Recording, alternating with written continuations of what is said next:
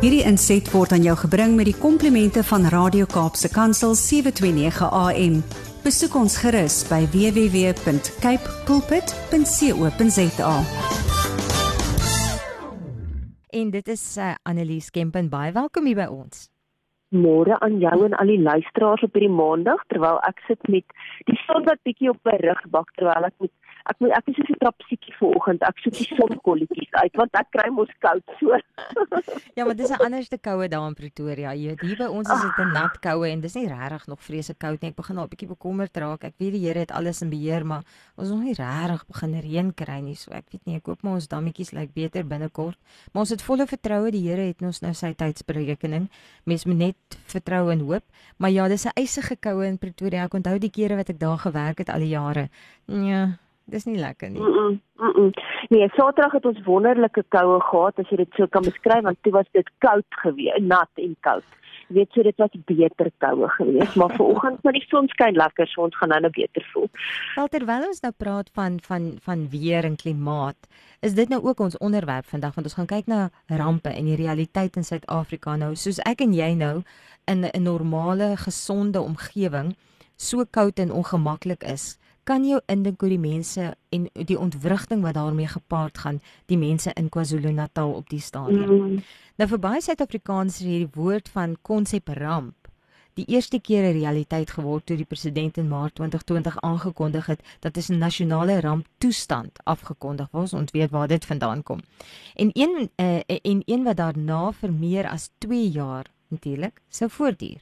Maar rampe of 'n ramptoestand bestaan al lank voor COVID-19. Ons ken dit want ons het dit al hoeveel keer deurleef en baie mense deurleef dit en hulle besef nie is eintlik 'n groot ramp nie. Mm. So ehm um, wat beteken 'n ramp? Kom ons kyk maar daar as 'n vertrekpunt vandag en ingevolge watter wetgewing word so 'n ramptoestand dan nou afgekondig? Ja, in die eerste instansie wil ek vir die ouens sê wat dalk ver oggend luister wat in Natal is, ons bid vir julle want genigtige genade ek dink nie ons ander mense weet waardeur jy gaan nie ons sal nou net daarby uitkom. Om terug te kom by jou vraag jou maar ja die rampbestuurwet 57 van 2002 verskaf vir ons die wetgewende basis vir die land indien ons rampe in die gesig staar. En baie ouens het met COVID-19 eerste keer agtergekom o jy weet rampe is iets anders as net wanneer dit baie reën of daar's 'n brand of sulke tipe van goeters en hierdie wet voorsien 'n geïntegreerde en 'n koördinerende rampbestuur beleid wat op die voorkoming en risiko van rampe fokus en dit probeer ook kyk om te sê maar is daar 'n manier wat ons die impak van hierdie rampe kan verminder of waar moontlik om voorsiening te maak dat die nooddienste en ander rolspelers dan wat tydens sulke rampe moet optree voorberei en gereed is. Maar dit bring ons nog steeds nie heeltemal by om te sê maar wanneer is dit 'n ramp nie want 'n ramp vir jou is dalk iets anders as 'n ramp vir my.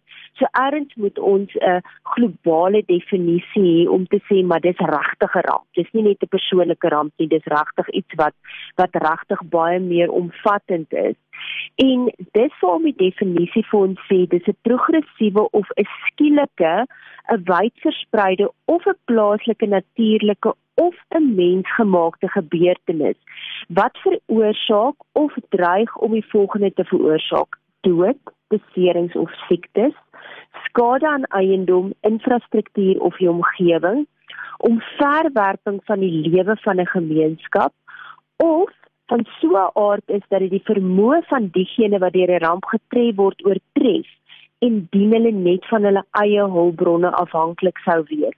En daarom kan ons 'n ramp definieer dan net sy as plaaslik, iets wat net 'n munisipale area tref of provinsiaal wat 'n baie groter area tref En mens kan nou dadelik sê KwaZulu-Natal maar ek sal nou sê wat die uitsondering is of dan nou nasionaal. En as ons die oomblik as ons dink aan nasionaal, dan dink aan ons aan iets soos die COVID-19 pandemie, maar COVID-19 was so erg dat dit eintlik 'n internasionale ramp was. Want dit het letterlik die hele wêreld getref. Nou wanneer dit kom by die definisie verder, wanneer besluit iemand is dit nou plaaslik, nasionaal of provinsiaal, dan gaan dit oor daai grensgebied. Met ander woorde, kan 'n munisipaliteit met sy eie hulpbronne omvang om te kyk, jy weet, sal hulle oukei okay wees as hulle eie hulpbronne gebruik om dan die omvang van die ramp aan te spreek of het hulle hulp nodig van 'n groter area. Dieselfde geld te provinsie. Die oomblik as 'n provinsie getref word, kom ons sê nou byvoorbeeld Gauteng, word getref deur erge reën, gaan net Gauteng se in of se se hulpmiddels genoeg wees om dit te kan hanteer of gaan ons moet hulp vra van ander provinsies of dalk van 'n nasionale vlak af ook. En dis wat gebeur het met KwaZulu-Natal. Ek praat nie van hierdie onlangse vloede wat nou die naweek getref het en ek sien op sekere plekke reën dit nog steeds nie.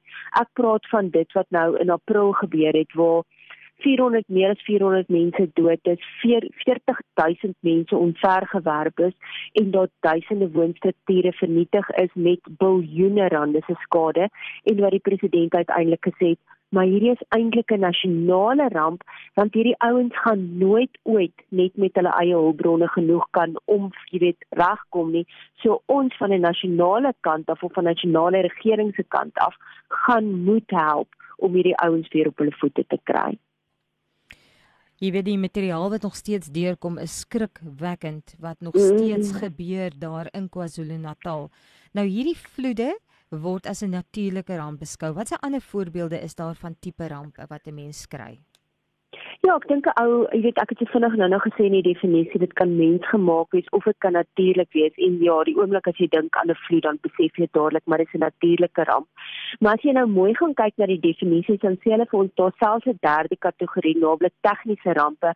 Maar dit val vir my baie naby aan mensgemaakte rampe wat wat verduidelik kan word as gebeurtenisse waarvoor mense verantwoordelik is en wat in of naby woonbuurte plaasvind soos industriële ongelukke, groot vervoerrampe soos 'n vliegtuig byvoorbeeld val, 'n konflik wat plaasvind of daar's komplekse noodgevalle of as ons bietjie ons eie verwysingsraamwerk verder wil skuif as net Suid-Afrika en ons dink aan jare terug die Chernobyl kernramp, dan sal ons dink aan joh, ja, hierdie is 'n tipiese mensgemaakte ramp of wanneer daar erge oliebesoedeling is soos 'n skip wat byvoorbeeld, jy weet, op die rotse loop en daar's 'n klomp olie wat dan nou, jy weet, uitkom uit hom uit, dan is dit ook eintlik 'n mensgemaakte ramp as gevolg van die olie wat dan uit uit daai skip uitvloei. Maar natuurlike rampe is iets wat ons tipies uh, assosieer met rampe wat iets te doen het met die natuur en selfs dit het onder afdelings. So jy het jou geofisiese ge uh, gevare wat uit die soliede aardoppervlakte te uitkom en dan dink ons aan goed soos vulkane of aardbewings of selfs erge grondstortings. Dan is daar hidrologiese gevare wat gebeur as gevolg van die beweging van massas water en dan dink ons aan iets soos 'n tsunami wat jare terug gebeur het daar in Indonesië en daai tipe van lande wat wêreldwyd, jy weet of aan daai kant van die wêreld 'n verskriklike groot invloed gehad het en ek dink toe daai tsunami getref het, was dit baie keer die eerste keer van ons wat gehoor het van, "Jo, hier's 'n tsunami." En nou weet ons, jy weet as die water ver terugtrek in die see in, jo, nou moet ons oppas vir 'n tsunami en baie vinnig moet jy beweeg na hoër liggende gebiede toe. So jy wag amper eers vir iets om te gebeur voor jy agterkom maar dit is 'n natuurlike ramp. Al gebeur dit in ander wêreld dele. Sjoe, nou nou besef ons daar so 'n tipe van ramp. Dan iets soos 'n klimatologiese gevaar wat te doen het met die klimaat spesifiek soos droogtes en erge bosbrande en sogenaamde of sogenaamde wildfires wat in die westelike deel van Amerika deesdae 'n verskriklike groot probleem is as gevolg van die droogtes wat hulle daar ervaar. Dan is daar ook biologiese gevare wat gebeur as 'n lewende organisme aan toksiese middele of siekte toestande wat ander lewende organismes dra blootgestel word en dan kan lei tot insek of diereplaag of dan tot pandemies soos COVID-19 en dan laastens die ene wat KwaZulu-Natal nou so verskriklik ervaar. Dis jou meteorologiese gevare wat te doen het met weerstoestande soos erge storms, siklone en dan die oorstromings, soos ek sê wat KwaZulu-Natal ervaar. Maar wat is die omvang van hierdie verskillende tipe rappe en watter tipe ehm um, tipes is die ergste mensgemaak of natuurlik? Joh, ek wonder of 'n ou regtig kan sê wat reën is die ergste want as jy nou kyk na KwaZulu-Natal en ek sien daai foto's wat nou, jy weet in die media is, dan wil 'n ou sê maar kan daar iets erger wees as hierdie tipe van goed? Jy weet waar 'n ou se kar, ek lees ver oggend 'n berig van waar 'n ou se kar het gister nog in sy motorhuis gestaan in Umhliti en vooroggend het hulle dit op die strand gekry en dit lyk asof dit deur 'n botsing is wat skrik vir niks. Jy weet hy het gerol en hy het getuimel en daar's niks oor van daai kar nie. Hy sê dit weggespoel. Dis absoluut skrikwekkend. Maar as jy nou kyk na, jy weet meer gesag hier oor die internasionale federasie van rooi kruis se 2020 wêreldrampverslag sê dat 83% van rampe wat in die afgelope 10 jaar of in die vorige 10 jaar gebeur het, veroorsaak is deur natuurlike faktore. Wat gebeur het as gevolg van uiterste weer en klimaatverwante toestande, soos hittegolwe, vloede en storms. En daar was 'n 35% toename in sulke rampe sedert die 1990, waar daar gereken word dat minstens 400 000 mense die afgelope 10 jaar hulle lewens verloor het as gevolg daarvan. En ons weet in KwaZulu-Natal alleen in April daai stukkie wat dit so erg gereën het het meer as 440 mense hulle lewens verloor. Dis maar net een wêrelddeeltjie een ramp nou kan jy dink dit is verskriklik erg nou het 'n golwe en storm sê die meeste sterwe tot gevolg gehad en tot minstens 22% of die 1.7 biljoen van die 7.7 biljoen mense op die af uh, op die planeet is die afgelope 10 jaar deur hierdie klimaat en weerstoestande geraak. So dit sê dadelik vir jou, die natuur is nie iets om mee te speel nie. Die natuur se rampe is verskriklik erg. En hoewel daar baie gesê word oor klimaatsveranderinge en daar 'n paar lande in die wêreld is wat regtig iets probeer doen om meer te doen om ons klimaat meer te beskerm, is die realiteit dat as die klimaatsverandering gaan aangaan soos wat dit tans aangaan met erge hitte toestande dan wil ek amper sê of voorspel dis nie ek nie dis die slim mense wat dit sê dat rampe as gevolg van weer en klimaatstoestande erger gaan word en meer gereeld gaan voorkom. En volgens hierdie selfde internasionale Rooikruis Federasie gaan dit veroorsaak dat daar meer kategorie 4 en 5 storms is dat hittegolwe meer temperatuurrekords gaan breek en ek het verlede week gelees dat temperature in Indië gemiddeld van 49 grade bereik het en onthou dis nog nie amptelik somer nie. In Spanje hierdie naweek het hulle gesê dat die grade Celsius se gemiddeld 15 grade warmer is as die gemiddeld van hierdie tyd van die jaar wat teen die 40 grade, jy weet, gedraai het. So jy kan jouself net indink, hoe erg is dit as jou grade hier by 49 Celsius is? Die ouens in Appington weet dit ook, maar die gewone standaard Suid-Afrikaners ken nie hierdie tipe van toestande nie. En wat is die uiteindelike gevolg? Dit gaan lei tot 'n verlies aan natuurlike hulpbronne, voedselonsekerheid direkte en indirekte gesondheidsorg implikasies sê baie ouens gaan dakloos gelaat word soos wat nou in Natal gebeur en dit kan uiteindelik 'n behuisingskrisis tot gevolg hê.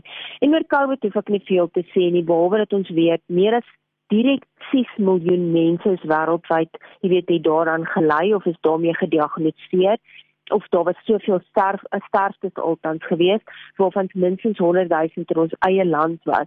Dit is 'n mensgemaakte ramp. So die kombinasie van mensgemaak en natuurlike rampe voorspel nie in hierdie stadium baie goeie goeders vir ons as ons nie daadwerklik iets daaraan gaan doen nie. Jong ja, dit is 'n realiteit. Ek weet ons het 'n paar warm dae in die Kaap gehad wat bietjie warmer is as dan normaal en dit was vir my baie baie ongemaklik geweest. So mm mens kan dink aan hierdie uiterstes waarvan jy nou genoem het. Watter strukture is verantwoordelik om in ons eie land rampe te hanteer? En hoe lyk die prentjie dan nou ten opsigte van ons risiko vir rampe hier in Suid-Afrika? Ja, ek dink baie, jy weet, ek hierdie artikel het ons in Desember het ek 'n spesifieke artikel geskryf en Ek dink ou ag ramp in Suid-Afrika is nie iets wat 'n ou regtig met mekaar assosieer nie. Ja, hier gebeur 'n erge bosbrand of daar gebeur 'n vloed en sulke tipe van goed nie. En toe kom April en dit is skielik van Suid-Afrika. I hope it's a wake up call want regtig toe jy weet is dit amper asof hierdie goeters ons direk in die gesig konfronteer om te sê maar rampe en Suid-Afrika is nie twee goeders wat jy nie in dieselfde sin hoef te noem nie. En as jy voorheen met daai vraag gespook het, dan dink ek is dit daai ding van ons almal weet nou ons we need to get our act together very very quickly. En ek dink die ouens wat in Natal bly hierdie laaste tyd is amper die ouens wat vir ons beste kan terugvoer gee om te sê maar is die strukture in plek om dit te kan hanteer? Of wag hulle nog steeds vir hulp in sekere areas? En ek dink ongelukkig as jy nou daai vraag op julle jy weet julle WhatsApp lyn gaan moet oopstel gaan baie ouens dalk sê maar ons sit nog steeds met 'n kwessie van ons het nog nie lopende water nie. Ons infrastruktuur is nog nie herstel nie. En ek weet wonderwerk gebeur nie oornag nie. Die skade is eenvoudig net te groot. Maar dit laat 'n ou hierdie vraag vra om ten spyte van alles wat op papier is dat die departement van samewerkende regering of kokta in gevolge die rampbestuurswet die regeringsdepartement is wat die leiding moet neem oor rampe of tydens rampe is hulle regtig in 'n plek dat hulle werklik dit kan doen? En ek dink die antwoord as ons realiteit realisties moet wees is nee ons is nie heeltemal in so 'n plek nie dankie tog vir ander rolspelers wat buite die regering is in die privaat sektor in die in die gemeenskap wat saamkom om hulp te verleen. Ek weet van privaat reddingsorganisasies wat Natal toe is om daar te gaan help en ek is seker na hierdie naweek is 'n klomp van hulle alweer op pad om weer te gaan hulp verleen met basiese infrastruktuur om te gaan help met mense wat gesoek word ensovoorts. En een van die noodvernote is die Suid-Afrikaanse Rooikruis Vereniging wat saam help met die of saam met die regering kom om te kyk wanneer daar humanitêre kwessies is. Hulle kry vrywilligers aan boord om te sê maar kom ons gaan verleen hulp. Daar's 'n klomp ander, jy weet daar's daar's Gift of the Givers, daar's 'n klomp ander hulporganisasies wat gaan help daarmee. Maar ek dink hierdie onlangse vloed in KwaZulu-Natal en wat die naweek gebeur het, het ons hopelik laat wakker skrik om te besef ramp is nie net iets wat in ander lande gebeur nie. Ons sien hoeveel mense het hulle huise verloor, hulle motors, hulle diere, hoeveel skade is daar aan infrastruktuur aangerig, hoeveel ouens het nog steeds nie water te voer nie, hoeveel paaie word weggespoel. Dan staan die ander kant van die spektrum, die 7 tot 9 jaar droogte wat die sentrale deel van die land, insluitend die Karoo, tot verlede jaar ervaar het, dank dankie tog totdat die gebede beantwoord is en soveel water, jy weet, reën geval het. Maar 'n plek soos Port Elizabeth sit tans vir dieselfde kwessie. Jy weet ons omtrent 'n maand se watervoorraad valle oor. Dit sê vir ons dat droogtes in Suid-Afrika 'n groot risiko is. So dis die ander spektrum, jy weet KwaZulu-Natal spoel weg, Port Elizabeth 'n paar honderd kilometer van daar sit sonder water. Die erge brande wat destyds in in Nysna was in 2017 is net so groot risiko wat in Suid-Afrika ervaar word. En hierdie tipe brande gebeur op 'n gereelde basis, net op 'n kleiner skaal en raak ons landbougemeenskap verskriklik erg. COVID-19 was 'n reuse ramp, maar klimaatsverandering is iets wat ons die heeltyd half mee sit en ek het nie 'n antwoord nie. Almal van ons kan ons klein rolletjie begin speel om te begin omsien na die natuur om ons minder goed weg te gooi, minder bosse af te kap, al daai tipe van goeters. Wat die groot antwoord is, weet ek nie. Ek het regtig nie die antwoord vandag nie.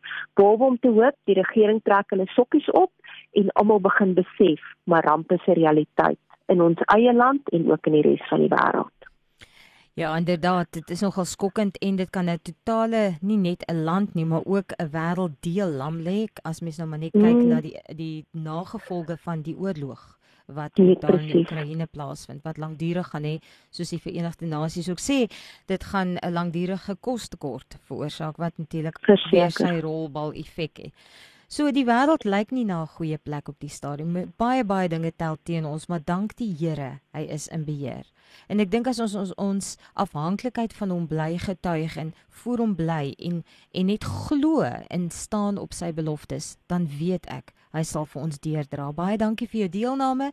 Dis altyd lekker om met jou te gesels en 'n aangename week vir jou dieselfde vir jou en al die luisteraars ja, en as ouens dalk wonder, jy weet ek sê altyd die 7 tot 9 jaar droogte van die Karoo wat gebreek het, is maar net 'n teken, bly op jou knieë soos jy sê die Here is in beheer. Totsiens. Totsiens. Hierdie inset was aan jou gebring met die komplimente van Radio Kaapse Kansel 729 AM. Besoek ons gerus by www.cape pulpit.co.za.